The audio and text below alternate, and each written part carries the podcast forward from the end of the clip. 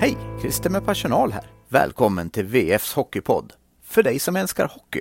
Det blir snabba puckar, heta nyheter och proffsig leverans.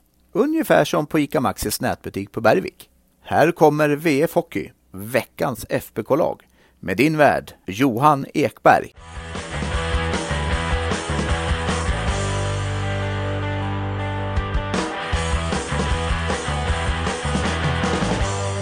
Ny vecka, nya segrar. Färjestad leder SHL med fem poängs marginal. Lika många poäng som det skiljer mellan tvåan Örebro och elvan Linköping. Om ni mådde bra för en vecka sedan, hur mår ni egentligen nu? Välkomna till VF Hockey, veckans FBK-lag och välkommen tillbaka till podden Karl-Oskar Lysander. Tack så mycket. Jag tänker vi bollar in en lyssnarfråga direkt, för Marcus Engström skriver så här. Har det äntligen blivit lite rivalmöte mellan Örebro och FBK? Kanske inte Frölunda-nivå, men ändå den bästa matchen mellan lagen jag har sett, säger han. Om lördagskvällens match. Vad känner du?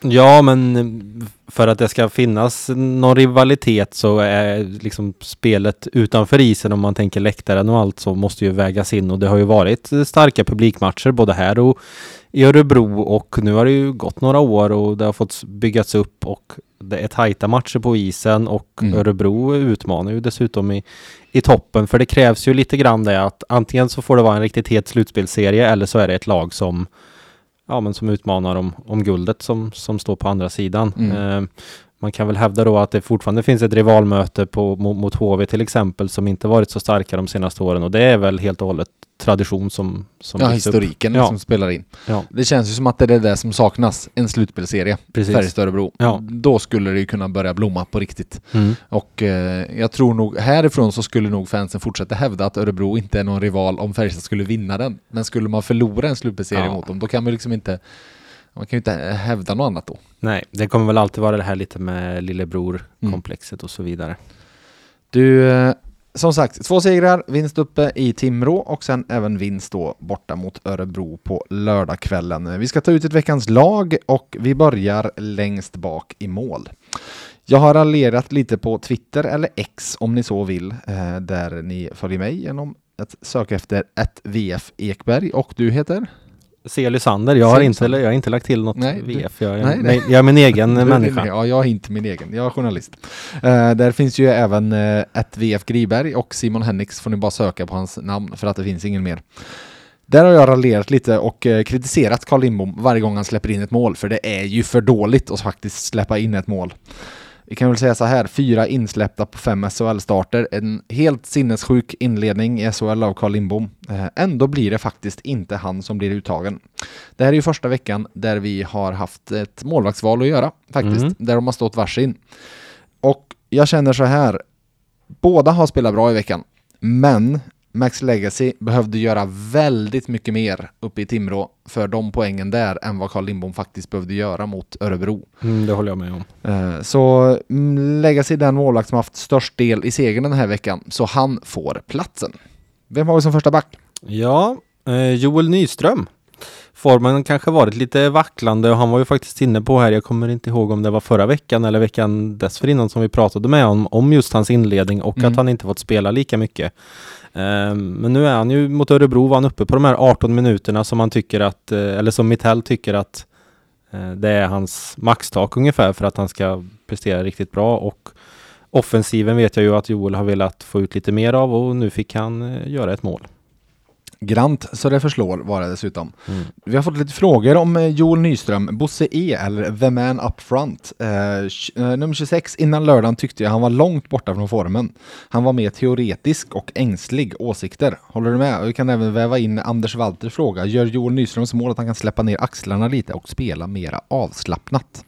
Ja, det är ju alltid bra när, eh, bra när det går bra så, mm. så att säga och eh, att få in målet. Det, ja, axlarna kanske kan släppa lite grann för jag tror att han själv känner att lite mer press på sig att leverera offensivt än vad han har gjort förut. Nu finns det ingen Theodor Lennström att, att gömma sig bakom lite grann och förväntningarna på Joel har ju ökat med, eh, ja med rätta också får man väl Ja, eh, och jag tycker inte han på något sätt har varit dålig. Det har väl varit det att man, han inte har varit, han har inte stuckit ut och varit bra. Liksom. Det är ju inte det Nej. att man har suttit och känt, åh herregud, där gjorde han en miss till, oj, där gjorde han en miss till och så vidare. Utan det är väl bara att man, eh, man vet vad som finns i den där lilla snurrbollen eh, och Ja. att det finns så pass mycket kapacitet i honom. Mm. Upptäck ett fulladdat erbjudande på Kia Ceed Sportswagen Plug-in Hybrid. En säker och laddbar familjekombi med uppkopplade tjänster. Dessutom ingår bland annat metallic-lack, rattvärme, navigation och telematik som standard i alla nya Kia-bilar. Välkommen in och provkör en laddbar Kia. Kia, movement that inspires. Vafa bil, din bilaffär och A-bilar i Arvika. Vi hoppar på back nummer två och där vi tar en annan högerskjutande Karlstad-kille. Det här gången Magnus Nygren. Jag tycker han har tagit stora kliv eh, senaste veckorna eh, i sitt spel. Eh, alla kunde se i början hur han kämpade, hur, framförallt i, i vändningarna. Eh, och det var ju fullt rimligt på alla sätt och vis med tanke på det han har gått igenom. Tycker han hamnar i färre och färre sådana situationer där man känner att oh, nu är det, har han jobbigt att hänga med, utan man, man tänker inte på det lika mycket som en faktor. Eh, och i spelet med puck så tycker jag det har blivit tydligt mm, hur, vilken, vilken vikt han kommer att ha för Färjestad där.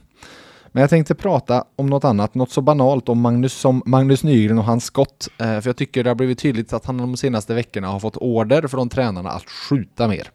Framförallt i powerplay. Ta skott lite oftare. Det var väl efter en träning där som Mitell till och med medgav att han rakt ut hade sagt till honom att skjuta. Precis, och han, han sa att han får sluta att vara rädd för att skada, skada lagkamraterna på Ja. träning.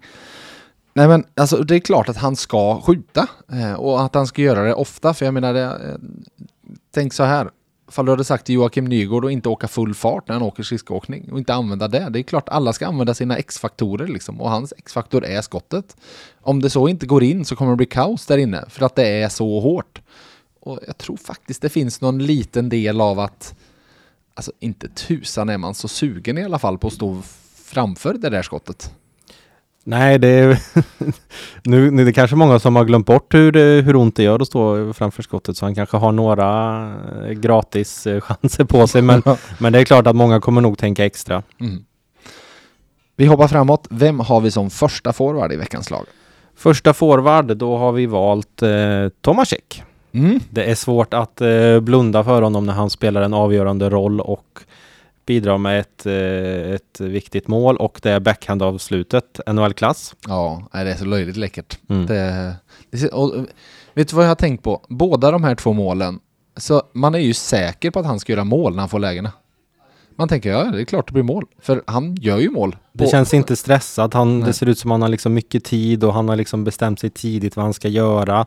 Och sen tycker jag att Färjestad har eh, blivit bättre på att använda honom rätt. Han spelar inte i, i svåra defensiva lägen utan man använder honom på ett väldigt eh, bra sätt. Mm.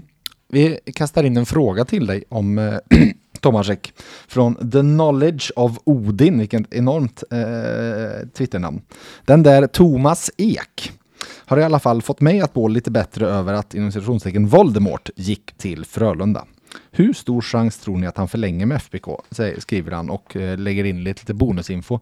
Projected stats på Elite Prospects. Voldemort 51 matcher, 0 mål, 6 assist, minus 13. Thomas Ek 52 matcher, 39 mål, 13 assist, 52 poäng. Det känns säkert skönt för alla FBK-supportrar att det inte är det omvända. ja, exakt. Det hade varit jobbigt nu. ja. Men vad tror du om, för jag, jag träffade honom efter matchen i Örebro Mm. och vi pratade om det här. Eh, han, eh, han eh, just kring att börja prata och så vidare, och bara, oh, that's a little bit early. Det var ganska tydligt att han kände att eh, men det är lite tidigt att börja prata om det redan Mm. nu. Men däremot så, eh, han, han sa jag kan definitivt se mig själv stanna här längre.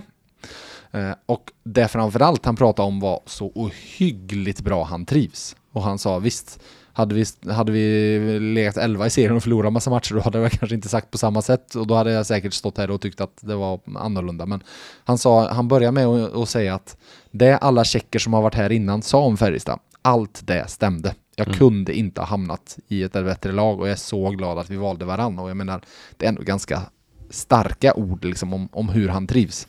Sen, em, nu var han ju ganska diplomatisk i svaret, annars är det ju lätt att mm, spelarna häver ur sig att självklart skulle jag vilja stanna här och en eh, rejäl portion cynism är väl ganska bra i de Ja. lägena för man vet ju att spelarna är sig själva närmast. Liksom. Mm. De väljer liksom det som är bäst för dem och ofta är ju det pengar. Mm. Och ehm, det är väl inte helt otroligt att eh, schweiziska klubbar fått upp ögonen för honom också. Eh, och man vet ju hur eh, sugna de är på att signa spelare tidigt. Samtidigt som hans stora dröm är, är ju NHL. Precis, den lever kvar. Så vi får se vad som händer där med Thomas Ek och hans, eh, hans hockeyspelande framtid. Forward nummer två. Han har gjort åtta assist på åtta matcher och det innebär att han är i toppen av SHLs framspelningsliga. Men istället för att jag ska prata om honom så tänkte jag att vi pratar med honom. Så här har ni honom, Marcus Nilsson. Det är sol på himlen för er på alla sätt och vis. Ja, ja men vi har radat upp ett par vinster nu och har, känner att vi har ett bra spel där ute. Stor bredd i laget eh, som vi vill ha. Så det har sett bra ut tycker jag. Vad är det ni gjorde bäst idag tycker du? Ja, men jag tycker vi krigade hårt. Eh, vi visste att det skulle bli en jämn och tajt fysisk match. Här där är det alltid du kommer ut hårt. Spelar fysiskt. Vi, det är väl arbetsinsatsen tycker jag och vi fick väl mycket mer längd i våra anfall nu än vad vi haft de två, tre senaste matcherna och ett par skapar bra lägen eftersom vi är så skickligt lag så får vi nog bra lägen till slut men fast det inte blev så mycket utdelning så tycker jag ändå vi skapar. Han hade många bra räddningar så jag var, jag var nöjd. Vi fick med en trea där. Det var gött. Och när Joel sköt, det var era 32 skott och då hade de skjutit 14. Det får man vara väldigt nöjd med på bortaplan i liksom ettan mot tvåan. Mm. Ja men vi visste ju det skulle bli en tight match så arbetsinsatsen var viktigare än mycket annat eh, där ute och det tycker jag vi gjorde på ett bra sätt fast de kom ut hårt på oss i början. Hur nöjd är du med din egen säsongstart och den produktion och poängutdelning du haft?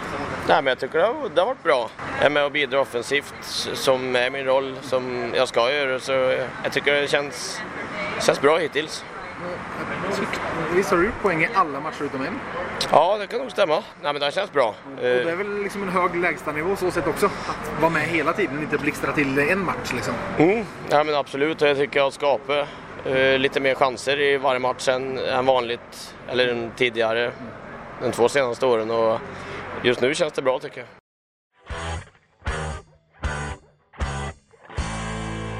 Vi hoppar framåt till forward nummer tre och den sjätte och sista spelaren i veckans FBK-lag. Lyset, vem har du tagit ut? Joakim Nygård. Mm. Fortsätter att spela på en enormt hög nivå just nu. Eh, bara en assist i veckan förvisso, men bidrar ju med så enormt mycket mer och kändes given i veckans lag sett till vad han bidrar med och eh, Jag hade honom som etta när vi tog ut, Mm. när jag tog ut topp tre i Örebro i lördags. Han är med överallt liksom Mm. och det, han är väldigt, väldigt påkopplad. Mm. Ehm, det ska bli spännande att se lite längre fram här om den här starka poängproduktionen kommer fortsätta tillsammans med Tomasek och jag tror han har eh, 41 poäng som bästa Mm. notering. Det eh, känns ju helt klart som att det kan vara i farozonen. Mm, absolut. Du, veckans utropstecken. Då eh, ska du få ett par frågor här för eh, Magnus Jonsson, 95 och Jesper Håkansson är båda inne på lite samma eh, tema. Magnus Jonsson skriver sju trepoängsmatcher på de åtta inledande matcherna. Hur står sig den här inledningen på säsongen historiskt för Färjestad? Medan Håkansson skriver när hade Färjestad senast en så här bra inledning på en säsong? Ja, vi blickade bakåt Mm. eh, i backspegeln. Det är faktiskt inte så länge sedan. Nej, Minnet, eh, minnet eh, hos många, inklusive oss själva, är eh, ibland Man, man känner ju nu att det är 38 år sedan senast och så vidare. Men det var det inte. Hur många år sedan hade vi? Nej, säsongen, vi kan börja med säsongen 17-18 här. Då hade ju laget tagit 21 poäng efter åtta matcher. Mm. Men vi får blicka ytterligare en bit bakåt här. Eh, säsongen 94-95 inledde FBK eh, sju matcher utan förlust. Mm. Till exempel. Eh, då ska vi komma ihåg att den sista matchen där eh, spelades mellan Färjestad och Malmö och slutade 2-2. Det var ju ingen, inget avgörande På det 90-talet sättet. då? Ja, precis. Inget avgörande på det sättet. Vill du veta något fascinerande? Nu är det ju Malmö som är poängtappet. Mm. Eh, när de har förlorat. Och eh, 17-18 säsongen, då var det Malmö de hade tappat poäng mot också. Ja. Eh, då ska vi säga, där 17-18, då hade de ju faktiskt eh, 21 poäng redan efter sju matcher. Nej, efter åtta. Efter åtta. Men däremot ska jag säga att de vann match nio, så ska jag säga. Mm. Så då, eh, även om de nu vinner match nio, så är de fortfarande bara i, i fas med vad man var eh, 17-18 säsongen. Mm. Innan man sen då föll i den tionde matchen Mm. mot, vilka mötte de i tionde matchen tror du? Jo, Rögle, som de möter i tionde i år också. Mm.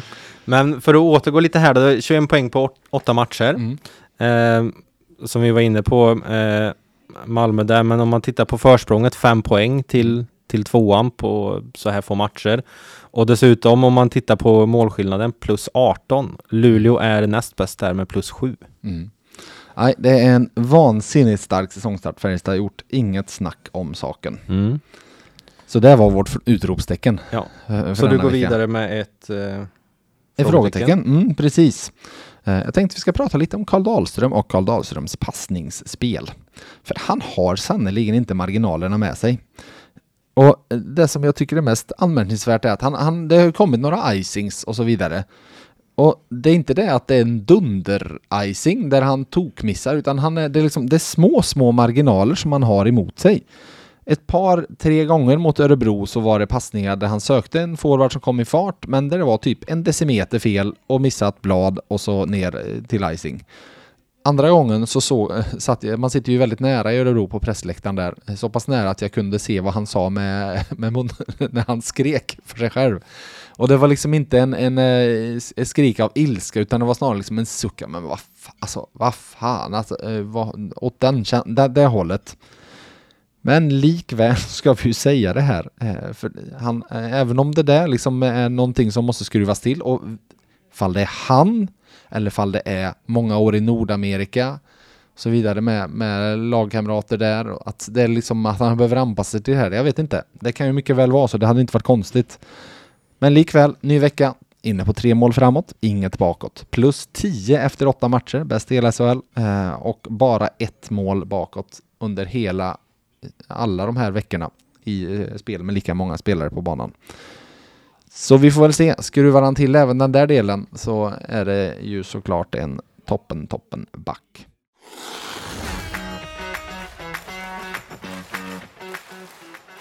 Hallå där! Håll koll i höst. Läs de senaste nyheterna med VFs pluspaket i tre månader för endast 29 kronor. Med pluspaketet läser du alla nyheter på sajten och i vår nyhetsapp. Länken till erbjudandet hittar du i avsnittsbeskrivningen. Ska vi börja med lite lyssnarfrågor? Ja. Jag kan börja med en till dig. Mm. Från Marcus Engström som eh, har eh, dubbla frågor och du får båda två. Eh, Den första är en kort, något nytt om Björka. Den andra är, gissar att Bergqvist spelar nu i CHL. Men är situationen hållbar med en, att ha en ung back som spelar så lite? Eh, vi kan väl börja med Björka då, för där finns det inte så mycket att säga. Eh, vår kollega Jonas Griberg har varit på träningen idag och ingen Henrik Björklund syntes till. Eh, det hade ju gått en vecka här efter, eh, efter smällen som man mm, att det kanske fanns någon risk att Mm. de hade, eller chans att de hade vilat honom en vecka. Eh, men så var det inte. Eh, så inget nytt där just nu. Axel Bergqvist har vi ju stående inslag. Ja, fick ju spela lite grann nu och på indikationerna på träningen säger att han kommer att spela. Eh, ersatte ju Magnus Nygren i powerplay. Eh, och eh, självklart ska, ska han få chansen i, i CHL nu när matcherna duggar tätt. Eh, om han har ledsnat, ja det kommer väl lite sådana medieuppgifter men om det stämmer eller inte vet, vet vi ju kanske inte helt och hållet. Men däremot så som vi sagt förut så tycker jag det finns, det finns en plan och Mitell har ju varit ganska tydlig med att man, känslan är när han pratar om dem att han ser en, en roll för honom i Färjestad. Ja, och nu ska vi se, nu har de ju faktiskt till sist börjat att rotera lite också. Ja, Eh, För nu var det Mattias Göransson var ju inte skadad mot Örebro utan han var bara ställd vid sidan för att de Mm. ville ha in Axel Bergqvist i laget. Så och av allt att döma så känns det väl som att eh, fr- från träningen nu att Magnus Nygren inte kommer följa med till Finland. Eh, och att Axel Bergqvist som sagt får mycket speltid där. Så Mm. det är väl precis så här de sa att de skulle göra och Ja. nu kanske till sist börjar göra också. Ja, nu drar ju CHL igång här. Jag vet inte exakt hur det är, men det är ju även match eh, Nästa vecka. Nästa vecka. Ja, så de har ju två matcher i rad nu med trippelmatcher, eller Mm. två veckor i rad med trippelmatcher Ja. eh, med tanke på CHL. Yes, ska vi hoppa vidare? Mm. Har du en fråga? Ja, jag kan dra en fråga från eh, Nelsa. Ge mig topp tre vilka som har varit bäst hittills. Då har vi på första plats Carl Lindbom. På andra plats så sätter jag eh, David Tomasek. Och på tredje plats sätter jag Linus Johansson som jag nog tycker är den eh, vars eh, lägsta nivå har varit högst hittills av, alltså Carl Lindbom uteslutet då. Men annars så säger jag nog att det är han där. Mm. David Hedberg frågar vad har ni hört, hört om ryktet om att Mittell var klar för Djurgården men att det sen blev nej eh, efter styrelsebeslut?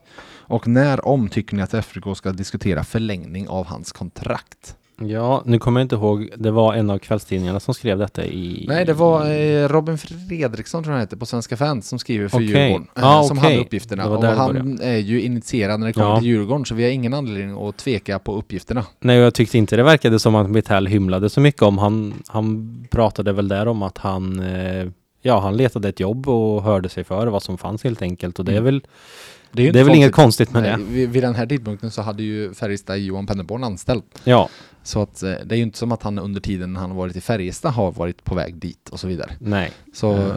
det, jag, jag eh, höjde inte så mycket på ögonbrynen kring, kring hela grejen. Eh, vad känner du om eh, förlängning av hans kontrakt? Ja, det är väl inte så mycket att tveka på eller? Jag känner så här, alltså han skrev ju treårskontrakt så han har ju den här och nästa säsong. Mm. Men eh, jag tror ju sällan på att gå in i en säsong med en tränare med utgående kontrakt. Nej. Om du är nöjd med honom. Så eh, jag menar, är man nöjda nu och man kan låta det gå den här säsongen för han har redan nästa. Men är man nöjda och känner mot slutet av den här säsongen att jo men vi ser fortfarande Thomas Mittell som oss, då släng på minst två år till. Ja. Eh, och så han har tre år igen, eh, tycker jag är rimligt. Hur ser det ut i övrigt? Nu, nu kastar jag in en fråga, men hur ser det ut i övrigt i ledarstaben? Alla Eh, går ju ut samtidigt. Mm. De har ju till sist landat i att alla ja, men återspeglas av varandra. Precis. Så 2025 går ju alla, alla kontrakten ut där med, Mm. med dem i tränarstaben. Så sett. Yes, har vi någon ny fråga? Ja, Mattias Bodström. Mm. Uh, Mittell får med all rätta mycket cred för det taktiska upplägget, men hur mycket skulle ni säga tillfaller övriga gänget i staben eh, med Wilderots analyser i spetsen? Han lyfts ju fram eh, då och då. Eh, som, dig? Som, ja, ja, nej, men som en hjärna av bakom eh, Mm. det här. Eh, och jag känner lite så här, alltså, lite som när jag själv tittar på statistik. Då får man ju ett facit. Mm. Eh, Alltså, då behöver man inte eh, famla kring ja, men hur ser det ut och så vidare. Utan man får ju hela tiden ett facit. Och det är inte jättemånga klubbar som har en analytiker anställd faktiskt eh, fortfarande. Utan jag tror det är sjukt nyttigt att ha honom i den rollen. Att hela tiden kunna få, ja, men få evidens i vad, vad hur det faktiskt ser ut även sett till siffrorna. Så sett. Allt annat är ju egentligen en, en känsla och erfarenhet eh, egentligen. Ja, men så är det ju. Så är det. Eh, Så jag tror verkligen han ska ha stor del i, eh, i... Eh, och det är ju inte bara liksom hur man agerar på isen, utan det är ju även i hur man agerar i form av värvningar och så vidare. Så ja, nej, jag tror han är en, en nyckelfigur som eh, det är, blir väldigt spännande att se vad som händer. Jag pratade lite framtid både med honom och Patrik Hansen. Båda sitter ju på utgående kontrakt den här säsongen.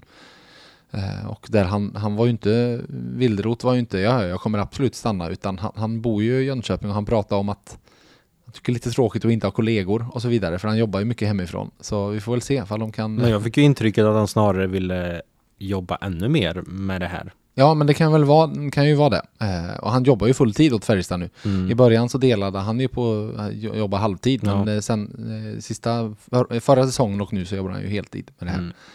Men eh, det kanske, han får helt enkelt ha familjen och flytta upp där så får han Ja. sitta bredvid Rickard Wallin på hans kontor där uppe. Exakt. Men Yes. vi, vi kanske ska ta en till fråga som var lite på samma tema från Mm. Sebastian Forsberg. Finns det någon underliggande statistik som oroar eller ser statistiken lika bra ut som spelet på planen? Ja, och jag tittade lite på det där och eh, ja, vi kan väl säga att eh, ifall får vi tar siffror som var inför Örebro-matchen här och den var ju inte dålig så det, det har inte blivit sämre efter den. Färjestad hade gjort flest mål och eh, släppt in eh, minst antal mål innan den matchen. Och tittar man då på expected goals, alltså som är sammanställning av, all, av alla statistiska värden, eh, så låg man även där etta i SHL på expected goals framåt. Och när det kom till expected goals against, alltså förväntade mål insläppta, så låg man fyra. Så eh, det är ju väldigt, väldigt starkt där också och även på många underkategorier ligger man väldigt, väldigt bra till sett till när det är på ja, men, skott i slottet och så vidare. Eh, så att det är väldigt mycket som ser, ser riktigt bra ut. Eh, det, ja, nej, det, siffrorna säger samma sak som det vi har sett på isen och Mm. det är väl egentligen Timrå-matchen var ju var ju en sån här minusmatch om man tittar på siffrorna. Eh, där skapade ju Timrå betydligt mer än, och större mängd än vad Färjestad gjorde. Men sen kom Örebro och då blev det ju åt precis andra hållet. Så ja, nej det, det ser väldigt, eh, Sebastian, det ser väldigt bra ut, även sett till underliggande siffrorna. Bosse E ställer frågan, varför kan inte FK namnen uppe istället för längst ner? Inte är de så fattiga. Ehm, man har väl förstått att det handlar mycket om pengar att ha den eh, platsen vigd åt eh, sponsorer. Eh, bra synlighet och så vidare men eh, om de är så fattiga, jag, jag tror nog att Färjestad hade överlevt även om de hade flyttat ner eh, namnet som regelboken ju säger men Jag tror man får väl någon straffavgift nu men... ja, och den är väl säkert inte i närheten av vad de får in på eh, företagsplatsen istället. Nej, exakt. Så vi får se. Eh, Det känns, den här året tror jag även det fanns en liten, alltså när den här debatten började. De hade redan, för det, jag pratade Mm. med Färjestad om just eh, det här och de beställer ju tröjorna eh, för nästa säsong väldigt tidigt, alltså i princip innan slutspelet startar. Just det. Så är det bestämt redan. Så eh, i år fanns det väl en sån faktor också. Det Ja. var ju någonstans där det blev en debatt kring det här och det började snackas om det. Även fast regelverket ju har funnits, funnits där betydligt längre än så. Har du någon till fråga? Eh, ja, har vi någon? gräva, gräva djupt. Ja, men... Ja, men eh, jag, nu se- hittar jag en, jag kan ta den. Ja. Eh, Theo Lundberg som frågar. Carl Lindboms bror eh, står som lån till eh, Färjestad säsongen 1920 men har ingen match reggad. Vad är historien där? Ja, har du, kan du den? Ja, jag har historien. dra den det är ju en av de här klassiska Målvakt. Ja. i slutspelet. Ja, Eh, han eh, plockades in, Olof Lindbom är det ju, Ja. eh, som plockades in då, var väl i Mora eh, den säsongen och Mm. plockades in som fyra i samband med deadline. Mm. Men ja, han kanske var här. Eh, ibland så är det ju med de här fjärdemålvakterna så de hamnar och de aldrig... och vara med på Ja, träningar och lite precis, sånt. precis. Mm. Mattias Ward tillhörde ju Färjestad under guld, guldet. Eh, men var ju aldrig här Nej. överhuvudtaget. Då, jag tror han var, blev skadad så att det blev något sånt. Mm. Eh, så det är ju inte, det är inte alltid de ens hinner hit. Medan vissa andra år så kan de ju vara här och träna i flera veckor. Liksom. Och till och med alla Emil Kruse som ju plockades in och faktiskt, eh, det var ju den historien vi berättade här i VF inför säsongstart om historiens kortaste FBK-karriär. Kommer du ihåg den?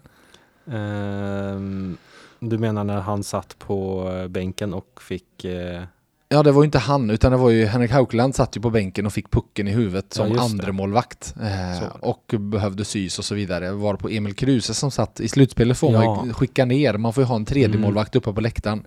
Så Emil Kruse stack ner och bytte om och fick sätta sig på bänken i förlängningen. Så han Just satt det. där i en period innan det avgjordes mot Växjö. Eh, och det var hans Färjestad-karriär. Men det finns ju i alla fall då bilder på honom i Färjestad-tröjan när han satt där en period i båset. Eh, tidernas kortaste FBK-karriär. Vi blickar till sist mot veckan som kommer, precis som vanligt. Eh, och det är som sagt den första tre matchers veckan som väntar. Eh, Chartrat flyg till Finland på tisdagen. Därefter så hemmamatcher både torsdag och lördag. För att i SHL så vet ni, då spelar Färjestad ändra hemma eller borta. Och det, nu är det en hemmavecka där vi har Oskarshamn på torsdag följt av Rögle hemma på lördag. Ska få en fråga Lyset. Uh, Magnus Jonsson frågar, är det inte som gjort att förlora mot Oskarshamn som inte tagit en enda trepoängare än så länge? ja, om man ser till förra säsongen så var ju Oskarshamn något av ett eh, mardrömslag där. Man förlorade väl på straffar om jag minns rätt och sen var det 0-3 i, i februari. Det var en, en, jag vill minnas att jag var på matchen och det var en väldigt blek insats. Oskarshamn har ett giftigt powerplay, men det är väl ungefär det de har eh, just nu att komma med. Ja, de har haft en väldigt, väldigt kämpig säsongsinledning. Eh, det jag eh, hörde på, eh, nu vill jag nära säga simor sändningen det känns konstigt att säga TV4 ja. fortfarande. Nej, men det de pratade om i lördag som att alltså första och andra formationen har gjort poäng, sen är det inga poäng alls liksom i princip. Mm. Eh, vilket ju är ett jätteproblem. Eh, ja. Och de, har ju, de tog poäng i premiären och sen har de bara förlorat därefter.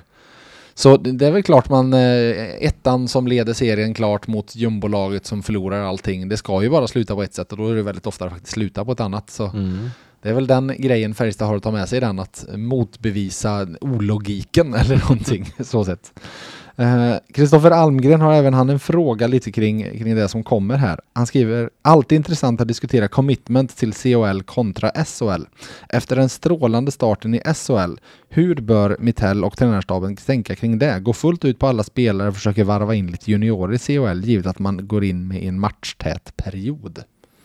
Mm, Mittell har ju varit ganska tydlig med hur mycket han vill vinna varje gång han står i, i båset och när det kommer till att matcha spelare så är man beredd på att matcha dem ganska hårt för att vinna matcherna. Och jag tror att den, man får väl ändå kalla det ganska svaga insatsen i CHL i fjol kanske kan vara en sporre till årets turnering att försöka prestera bättre. Um, jag tror inte att det blir någon uh, Mountfield borta insats uh, i, imorgon här utan uh, jag tror att det kommer nog vara en bättre insats. Och skulle det vara så att man presterar även i, i CHL så tycker jag också att det är en, en signal om var det här laget står. Det nya CHL-upplägget också. I fjol så åkte de ju ner till Polen där med ett juniorlag och mm. lämnade massa folk hemma. Eh, den matchen hade, skulle ju egentligen inte ha så stor betydelse och så vidare. För då var det, alltså det var ju, man har i alla fall ändrat upplägget nu med att man är ju inte i en grupp utan alla tävlar ju mot alla. Ja. Så eh, det kommer ju inte bli någon sån av de här två matcherna som återstår nu att man kan vila spelare för att det spelar ingen roll utan det handlar om att ta placering i totaltabellen för att få lättare motstånd eh, mot slutet. Det ser ju väldigt bra ut att, att gå till slutspel eh, så sett för Färjestad. Men eh, jag tror ju lite som de gör nu att ställa över någon ja. av dem lite äldre och så vidare. Och, och på forwardsidan, nu var inte Viktor Ejdsell tränar ju inte idag. Så eh, där, annars hade ju liksom en Per Åslund kanske också kunnat stått över en sån här match om man har rullat runt. Fall de hade haft alla, hade alla varit tillgängliga, alla 14 forwards, så tror jag ju att det mycket väl kunde ha blivit två mer eh, ja, med äldre spelare som hade fått stå över imorgon. Känslan är ju också att Färjestad kan ställa över ganska viktiga spelare men ändå lyckats leverera en, en bra prestation. Att mm. man har den tryggheten i, i spelet. Och den bredden i truppen. Precis. Att de som kommer in är, det är inga duvungar eh, de heller. Du, i SHL då? Vad tror vi? Blir det tio matcher och eh, bästa, eller ja, topp, bästa starten där efter tio matcher? Att de håller Oskarshamn och vinner och att de även inte faller mot Rögle som de gjorde då 17-18? Mm. Du vill höra ett, ett antal tips. poäng här? Ja, nu kommer det. Nu sätter vi det på Ja men man kan ju inte säga någonting annat än 5-6 poäng sett till hur det har sett ut. Det vore ju märkligt att påstå att de skulle förlora någon av matcherna för de är ju klara favoriter i, i bägge två. Mm.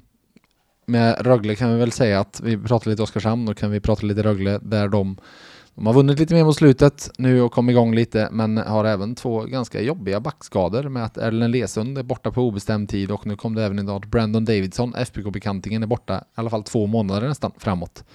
Men de har väldigt mycket backar, Rögle. Men mm. det är klart att det var ju två av dem de hade tänkt skulle spela ja, mycket. Ja, det är kännbart, mm. såklart. Vi får se hur det går på lördag, vi får se hur det går på torsdag. Ska inte du se. ha något tips då? Nej, jag tippar inte. Ja. Fegis. ja, exakt. Uh, vi får se hur det går på... Nej, okej, du ska få tips. Jag ska inte vara feg. Nej, men jag tror på fyra poäng den här veckan. Mm. Eh, på, jag tror att de vinner mot Oskarshamn, men sen därefter faller i förlängning mot Rögle på lördag. CHL förlorar de med 3-2. Mm. Mm. Vi får se hur det går och ni andra eh, som lyssnar, ni ska veta att det här var det första av eh, tanken är att det ska komma två VF Hockey-avsnitt den här veckan eh, där jag återkommer senare i veckan med en gäst. Tack för dig Lyset. Tack. Och till er som lyssnat, ha det gött!